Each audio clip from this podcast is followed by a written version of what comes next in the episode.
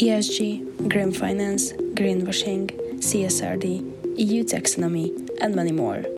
We hear these terms a lot these days, sometimes we got lost in them.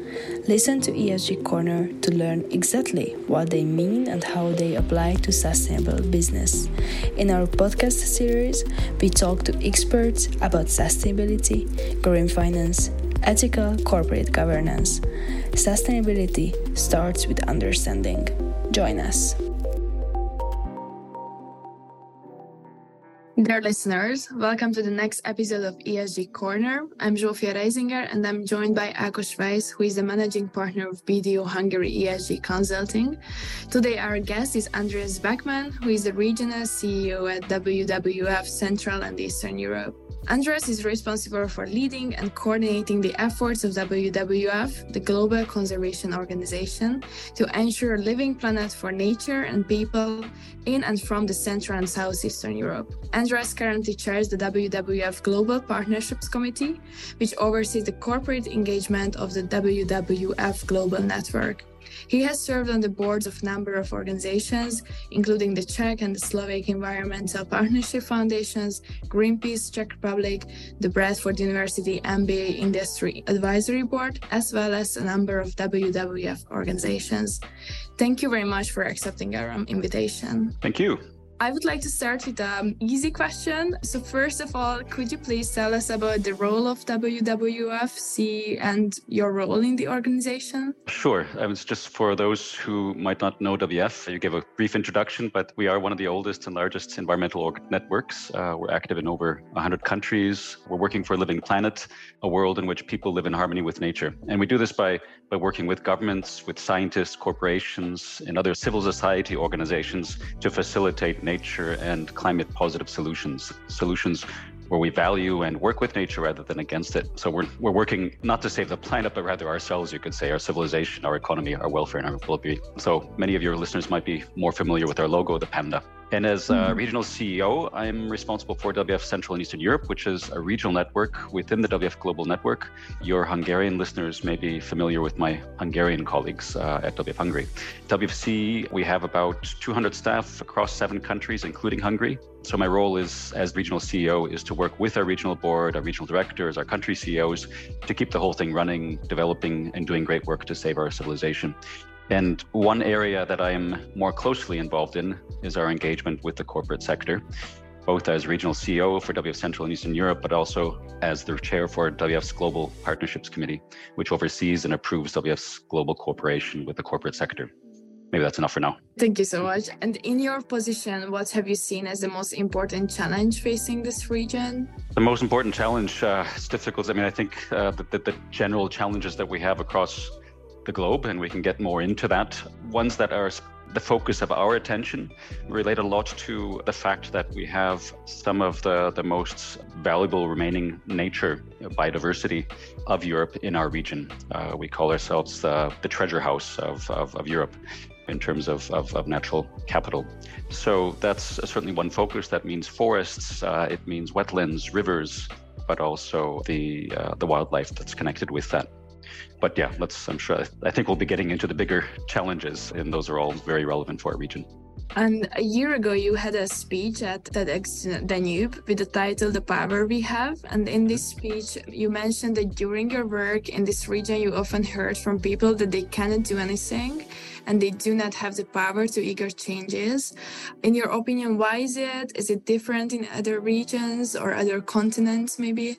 I guess we could go into historical speculations. Um, I mean, certainly specific to the region, there's a history of, of autocracy, be it under the Habsburgs or the communists or more modern flavors, less of a democratic tradition, perhaps. So, therefore, people not feeling like they have the possibility to, to influence things. But I think it's also more universal everywhere. You know, I think simply this feeling of resignation, of being overwhelmed, that it is so easy for all of us to feel in an increasingly global world. And, and I think the point I tried to make in that, that TED talk, TEDx Danubia, was was the power that we all have as citizens, as consumers, as donors, as volunteers, as activists, as active people, as bosses, employees, as parents and friends, and at a more personal level, and perhaps most importantly, also the power that we all have to give our lives meaning, to live in truth, as Václav Havel might say.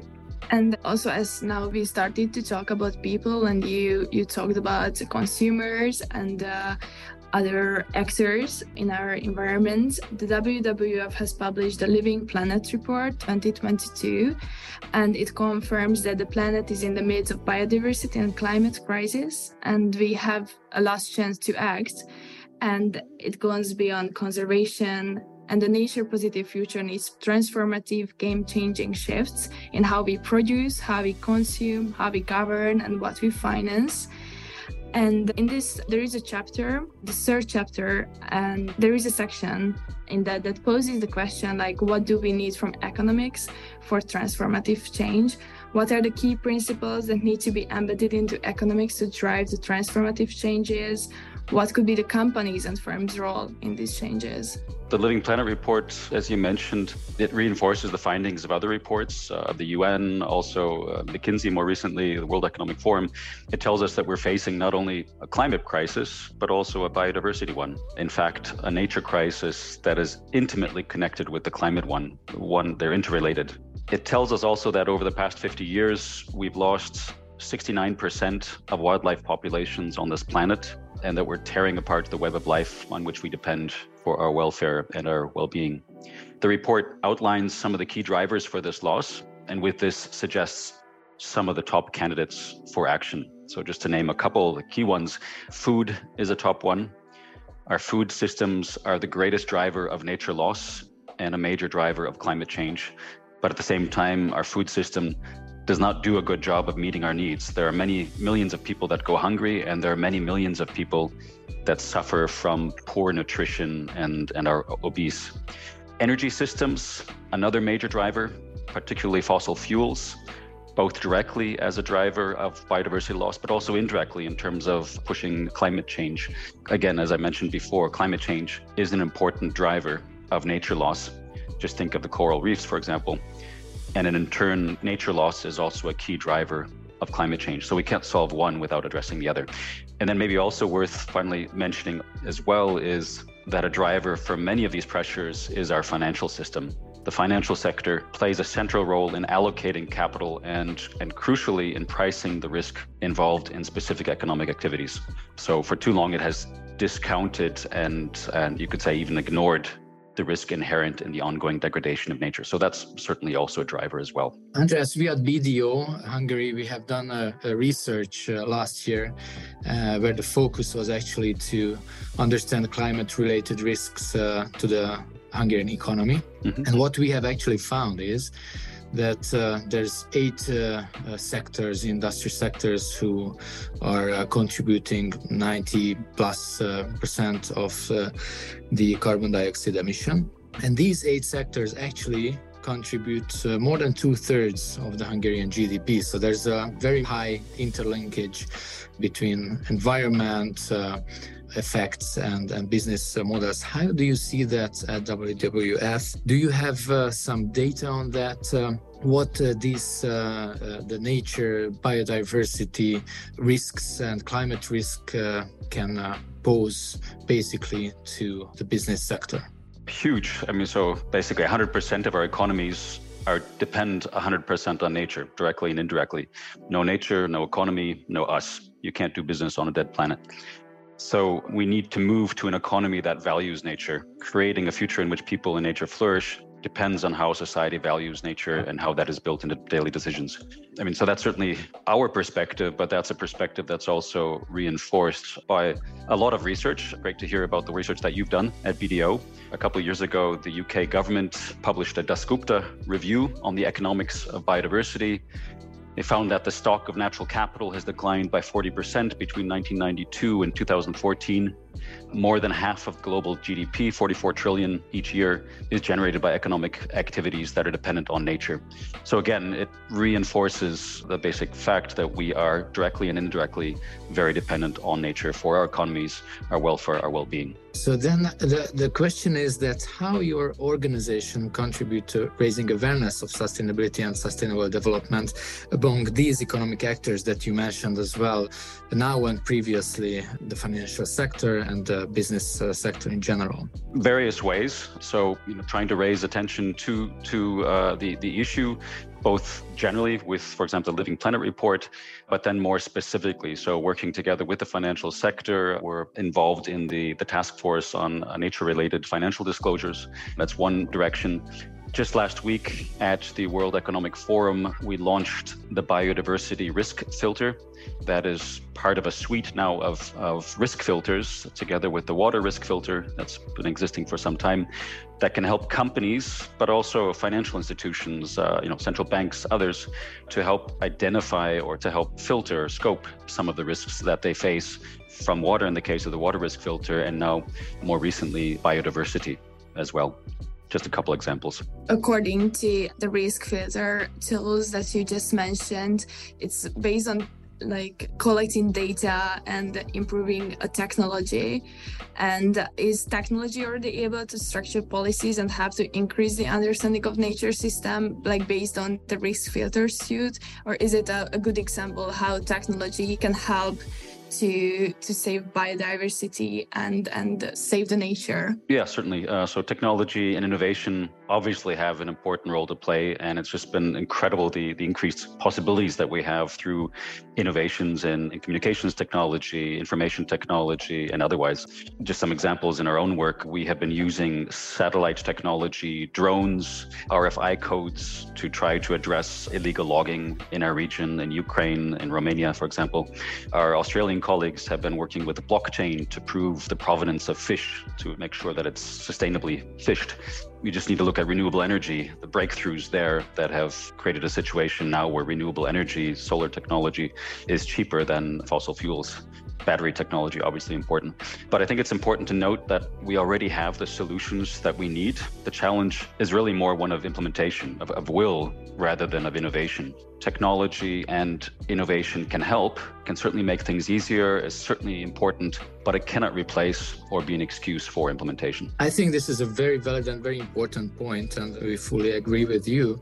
And the question is how do you see what the stakeholders in this case uh, should do in sustainable development, and especially the financial sector and, uh, and the corporate business sector that we mentioned? What we ask basically all actors to do, the corporate sector, uh, is to first understand their engagement with biodiversity, with, with climate, um, so their exposure to risk, but also their impact on biodiversity, on climate change. So, looking at it from both perspectives, obviously their exposure to risk, the availability of their critical inputs for their production processes, for example, is very important in the short term to understand their, their risk, also financial risk, but their impact on biodiversity, on climate change is important also in the longer term as well to understand the risks that they face from in terms of reputation, in terms of regulation, in terms of also supply chain longer term as well. You know, so that's that's really the, the the first step is to understand that risk, and then you can take steps after that. And that's why the biodiversity risk filter, the water risk filter, are a good first step in this. They won't provide all the answers. It's really important to to understand that, and there have to be then further steps, but to to do a kind of initial scoping to be able to prioritize where to start those are good tools. And then there's additional ones that can be used after that. Can you maybe give us some examples or, or what you consider good practices that you have seen or worked with? I can give an example from our region, just starting out. So I, we, we, we don't have a track record yet. So it's more about plans than, than results at this point. But certainly very promising is the cooperation that we have. We have a partnership together with, with Tesco, the retailer, in the Czech Republic, Hungary, and also in Slovakia and they have, and this is following the, parent company in the UK, they've made very ambitious commitments to significantly decreasing the ecological footprint of their average shopping basket. And so, how do you do that? So one stream, work stream, is focused on communications, on engaging consumers, to give them the information, also to uh, encourage them to to buy sustainably. So so that's one piece. Another piece is focused on working with the supply chain. That's the part that we are still developing. So working with their suppliers in terms of improving production and operations to make them more sustainable.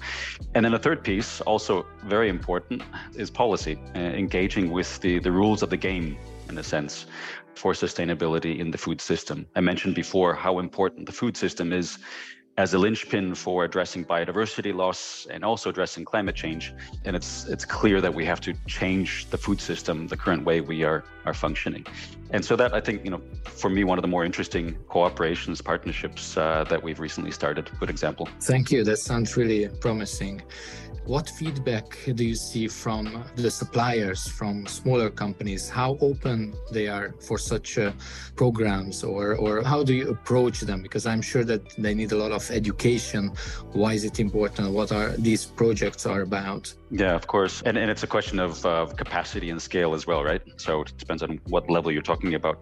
That's why we're interested in working with with large players like Tesco, who have play a critical role kind of in the middle of the value chain between on the one hand consumers so the ability to reach out to consumers and at the same time the ability to reach out to to suppliers including you know hundreds and thousands of, of individual farmers and uh, a good example, maybe where we've got a much more of a track record, is the cooperation that we've had with IKEA the, the, the, Swedish retail giant, and where for the last already now 20 years we've been working with them on sustainable forest management. And um, there, the important thing has been really IKEA's commitment to sourcing their wood either from recycled material or from FSC certified material, so certified for, for sustainable forest management. And, and previously to working with IKEA and others, we had, to be honest, a difficult time engaging individual forest owners and managers, convincing them to change their approaches and make them more sustainable. As soon as we started working with IKEA, that opened up their whole supplier base. The forest owners that refused to work with us, they went to IKEA, wanted to sell their wood. IKEA said, well, it needs to be FSC certified. They asked, what is that? And said, WF can help you. So it's been a very win-win-win relationship. So good for management, good for IKEA in terms of their securing their supply chain, and then also good for the, the local suppliers so that's the kind of you know i think the opportunities that we have going forward. I think that's a perfect example why partnerships are so important if uh, somebody wants to focus on sustainability in the corporate segment as well because there's so many stakeholders actually that that is the only way to effectively do these uh, kind of projects. Agree so uh, moving maybe to to central banks and uh, the financial institution. In january the wwf has called on central banks and uh, the regulators regulators as well and uh, supervisors to scale up their efforts uh, in transitioning to net zero economy. So the question is that how do you see your organization's role in it? How you can support the financial sector in this uh, transition? Well, like I said before, I mean, we are focused on the one hand on, on, on raising attention, uh, raising awareness on the impacts or the, the, the, risks from biodiversity and climate change to banks and to the economy more generally, and also vice versa, the impacts that they have on biodiversity and the economy. We're also um, engaged. So I mentioned the, the biodiversity and the, the water risk filter. I also already mentioned the task force on nature related financial disclosures that we're part of, which is helping develop guidelines and tools and frameworks for doing this. We're also working with different financial actors to actually then then implement this in a more practical way as well. So both in terms on the risk side, but then also on the biodiversity on the on the the upside, the benefit side, there too we are working with different actors to try to shift or provide opportunities for nature positive, climate positive investments. And give you one example, we're working with the Hungarian central bank on a project focused on it's basically carbon offsetting, but with uh, a strong biodiversity focus, so biodiversity plus for that. And how do you see actually, because uh, legislation changed a lot in the only a very short time, especially in the European mm. Union regarding sustainability. Yep. And uh, there's a, a, big pipeline of legislation coming in the next couple of years. And uh, the ones already approved are very much focused uh, on the financial sector.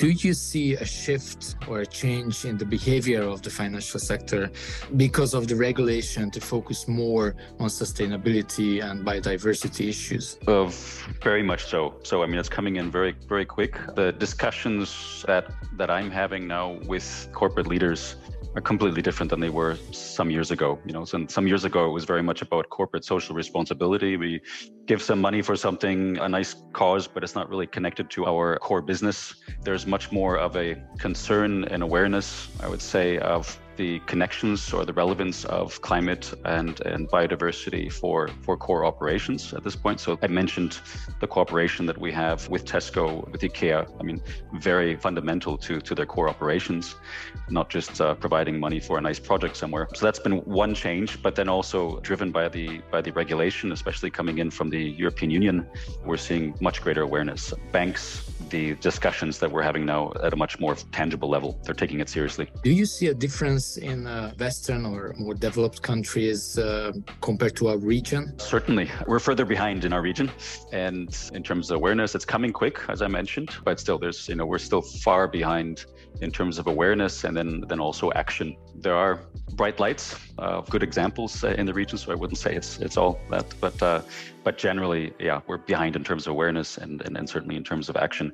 That within the society, so uh, individuals, activists, and so on, you see that, but also certainly governments in terms of them taking action, taking these issues seriously, getting ahead of the curve rather than constantly trying to catch up, but also that applies to the private sector, to corporations. And as you mentioned, you are working together, cooperating with the Hungarian Central Bank, but also I've read that the WWF is taking a stand on global sustainable finance and how the WWF get involved in global sustainable finance issues, as now we see that in the region, sustainable finance is already happening, for example, in Hungary, but are there any examples from other regions? So we've been working on finance for quite a while. Like I said, money, as they say, makes the world go round. So we believe that it can do much more than that. So that it can make a positive difference and for the future of people and nature.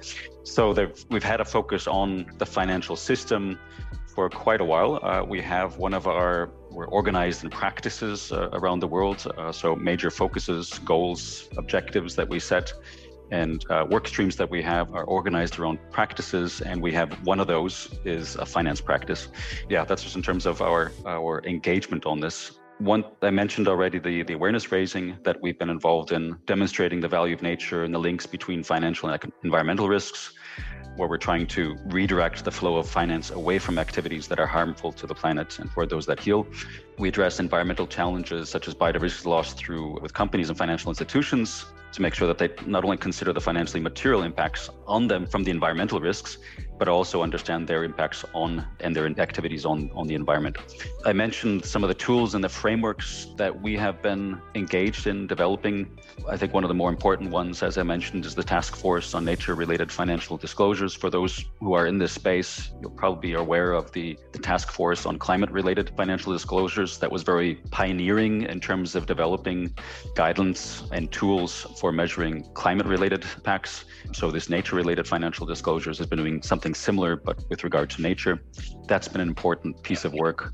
And then, as I mentioned before, also the actual engagement in actually steering or trying to show pilot examples of activities that are nature positive. So, the two directives that you mentioned, the climate and nature directives, uh, can you share some information to our listeners what these are about, what the focus is, why they should use it, how does it help their other sustainability reporting guidelines. So, just to be clear, the task force nature related financial disclosures was similar to the climate related financial disclosures. I mean, basically trying to help financial institutions or in giving tools and frameworks for helping uh, financial institutions. So, part of it is also just trying to create some order among the chaos. Um, so this is not a it's not a WWF initiative. We are part of a much broader initiative. And the reasons for that, I mean, some of this guidance is being picked up in the regulation. So that's, uh, I guess, I mean, a practical reason why it's it's relevant. But then, in a practical way, I mean, in terms of the businesses or organizations own their own, let's say, self-interest, these kinds of tools can help them understand their own risks that they have from biodiversity and from climate, and also their impacts, as I said, and that can help them in terms of their management processes. So, on the one hand, responding to regulation very practically, but then also in terms of uh, as a management tool as well. I'm not sure if that answered your question. Yes, absolutely. Thank you. And there's another development with ESG investments, ESG rating that's picked up really fast in the last couple of years. What we see on the financial markets is that there's a huge amount of investments. Uh, not just in ESG companies uh, or companies who have ESG ratings, but also green financing projects, sustainable financing uh, instruments, bonds. How do you see this uh, development? What do you think about its convergence? Do you believe that the uh, ESG approach can help firms? And generally help the, the whole sustainability goal? Certainly, the short answer is, I guess, yes. I'm very aware of the criticism of, of ESG, not only by the likes of, of Governor DeSantis in Florida, most famously in the US, but also more reputable institutions, I would say, such as The Economist. I think they came out last year and, and basically criticized ESG for being too complicated. In this case, I'm an avid reader of The Economist, but in this case, I think they're dead wrong. You can't judge a company's performance only by its profit and loss statement. And I think ESG provides that extra information with regard to governance, how well it is run, its relations with community and stakeholders, but also increasingly importantly, the environment. And I think particularly the latter, as I've been trying to make the case, that will be increasingly crucial going forward. Investors need to know not only if a company is making a profit, but also, you know, what kind of liabilities it holds, potential stranded assets and so on. Do we have the right criteria? That's been one of the criticisms that they're not the right criteria. Can they be better? Quite possibly. Um, I leave that to people who are more expert in this than I to judge and to develop this. But improving our metrics are one thing, and it doesn't change the principle that we need to measure and report on these aspects. That's why we need ESG. So that is also why my, my organization has been a strong proponent of the ESG. I absolutely agree with you. And what we see actually is that uh, Without data, it's very difficult to measure, obviously, anything, and it's impossible to set targets, to have a strategic focus. And uh, what we see is that there's a lot of data missing yet at corporate level. And uh, that's uh, kind of the number one that we also tell uh, our customers uh, that they should just report, get their data set together, understand the structure. And uh, that's the point zero where they should start their sustainability process. Exactly. And and responding to regulation, but also seeing it as in their own their own interests for sound management. Again, definitely need to know if you're profitable or not, but you also need to know how the ledger looks in terms of some of these other things as well. I just read, I think recently, that Moody's, the, the ratings agency, they're looking at the ESG factors that will play a strong role in credit risk in the next year.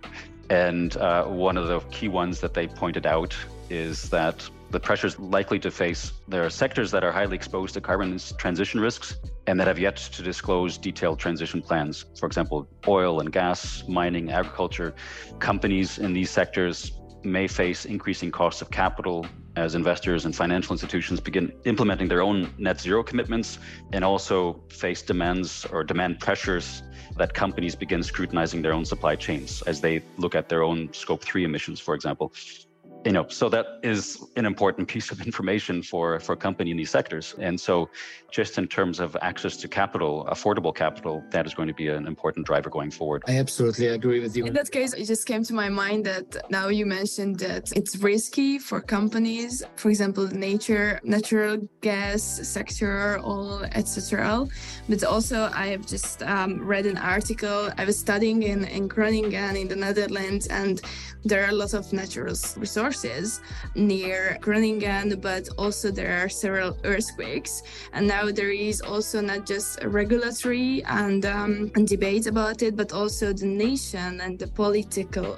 politicians are debating about should they open new natural resources there like fields or is it too risky for people because of the earthquakes? So it's it's also a weird question i think because they would like to to solve the energy crisis right now but it's it's maybe caused like people's life or other negative effects of the land of the netherlands. Frankly what i see is that uh, we are now at a point where environment and generally sustainability issue is a business success or a business strategy question. So it's not anymore a CSR activity when we do something nice and then we are happy about it, but it's much more about thinking ahead what's going to happen in the next decades and and it's very much involved in with uh, strategic thinking and uh, and business models and new business models new solutions technology investments because um, otherwise uh,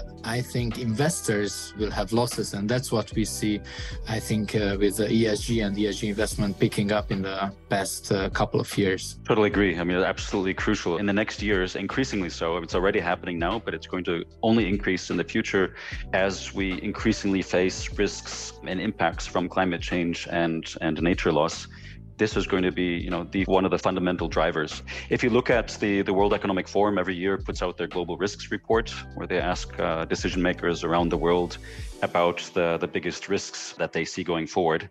And the last 10 years uh, the environmental related risks climate biodiversity water natural disasters they have all been increasing on that. Uh, so for the next two years time frame, I think it's the top two two of the top four risks are environment related.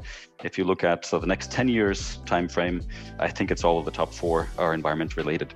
You know, so it's it's shot up on the agenda. And it makes sense because at this point our ecosystems, our climate, the world, the, the natural world that we've been depending on for so long and have been taking for granted is fraying and that is increasingly having impacts on all of us in a very tangible, very material way. And one more question just came to my mind quickly as you, you mentioned the critics on, on ESG. And ESG and the Sustainable Development Goals, SDGs, are kind of similar, but not the same. And as I experienced the USA, yeah, in America, investors are concentrating on the SDGs and that framework, while in Europe, ESG is, is more common. What do you think about the SDGs? Does it have to be improved? As some critics saying that these are old school a little bit and it should be updated or uh, which framework would you prefer or how these two frameworks should be convergent i mean i'm not a i'm not an expert uh, and can't go into the fine points of, of, of one versus the other generally i think i don't see them as mutually exclusive and I'm not aware of the ESG not being relevant in the US context. Rather, on the contrary, it's a huge political issue. And the focus of attacks by as I mentioned, Ron DeSantis in, in, in, Florida.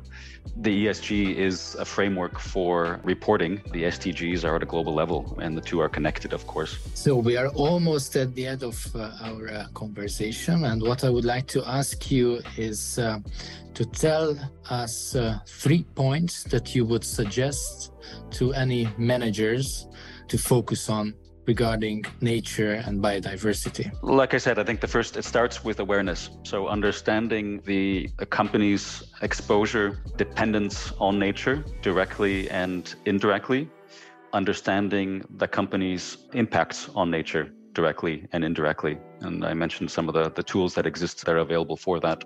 And I'm sure the, the good services of companies like your own, that's where it starts. Once you have that awareness, that understanding, you can then prioritize you can start taking action. You can make uh, prioritize actions to address the, the biggest risks and then take it from there. One thing that we haven't talked about as a tool, which is also something that WF has been involved in developing, and I think also useful is the SBTI, the Science Based Targets Initiative.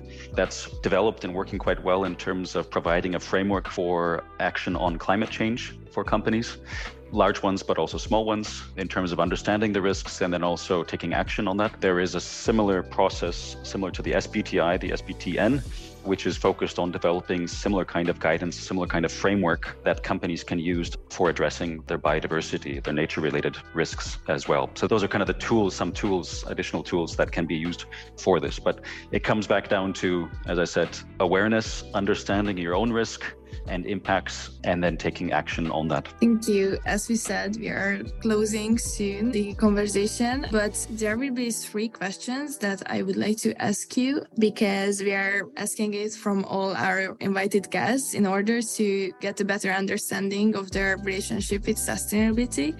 And my first question would be when did you first encounter sustainability and why did you decide you wanted to get involved with it? From an early age, uh, understanding the impacts uh, that uh, we are having on the environment. So, as a child, uh, it was something that I was aware of and increasingly concerned about, and didn't really get actively engaged until relatively late when I was in my 20s and I had my, I guess, my early life crisis was involved in a lot of different things, including I worked for a bank for a bit, was involved, I started a PhD in history, uh, was involved in experiential education and then as a journalist and so on. And at some point, I had my, my early life crisis and got involved in the environmental movement and working for a foundation, first in the Czech Republic, spent 10 years there in the 1990s. And then that led to my engagement with, with WWF, where I've been in different functions since 2001.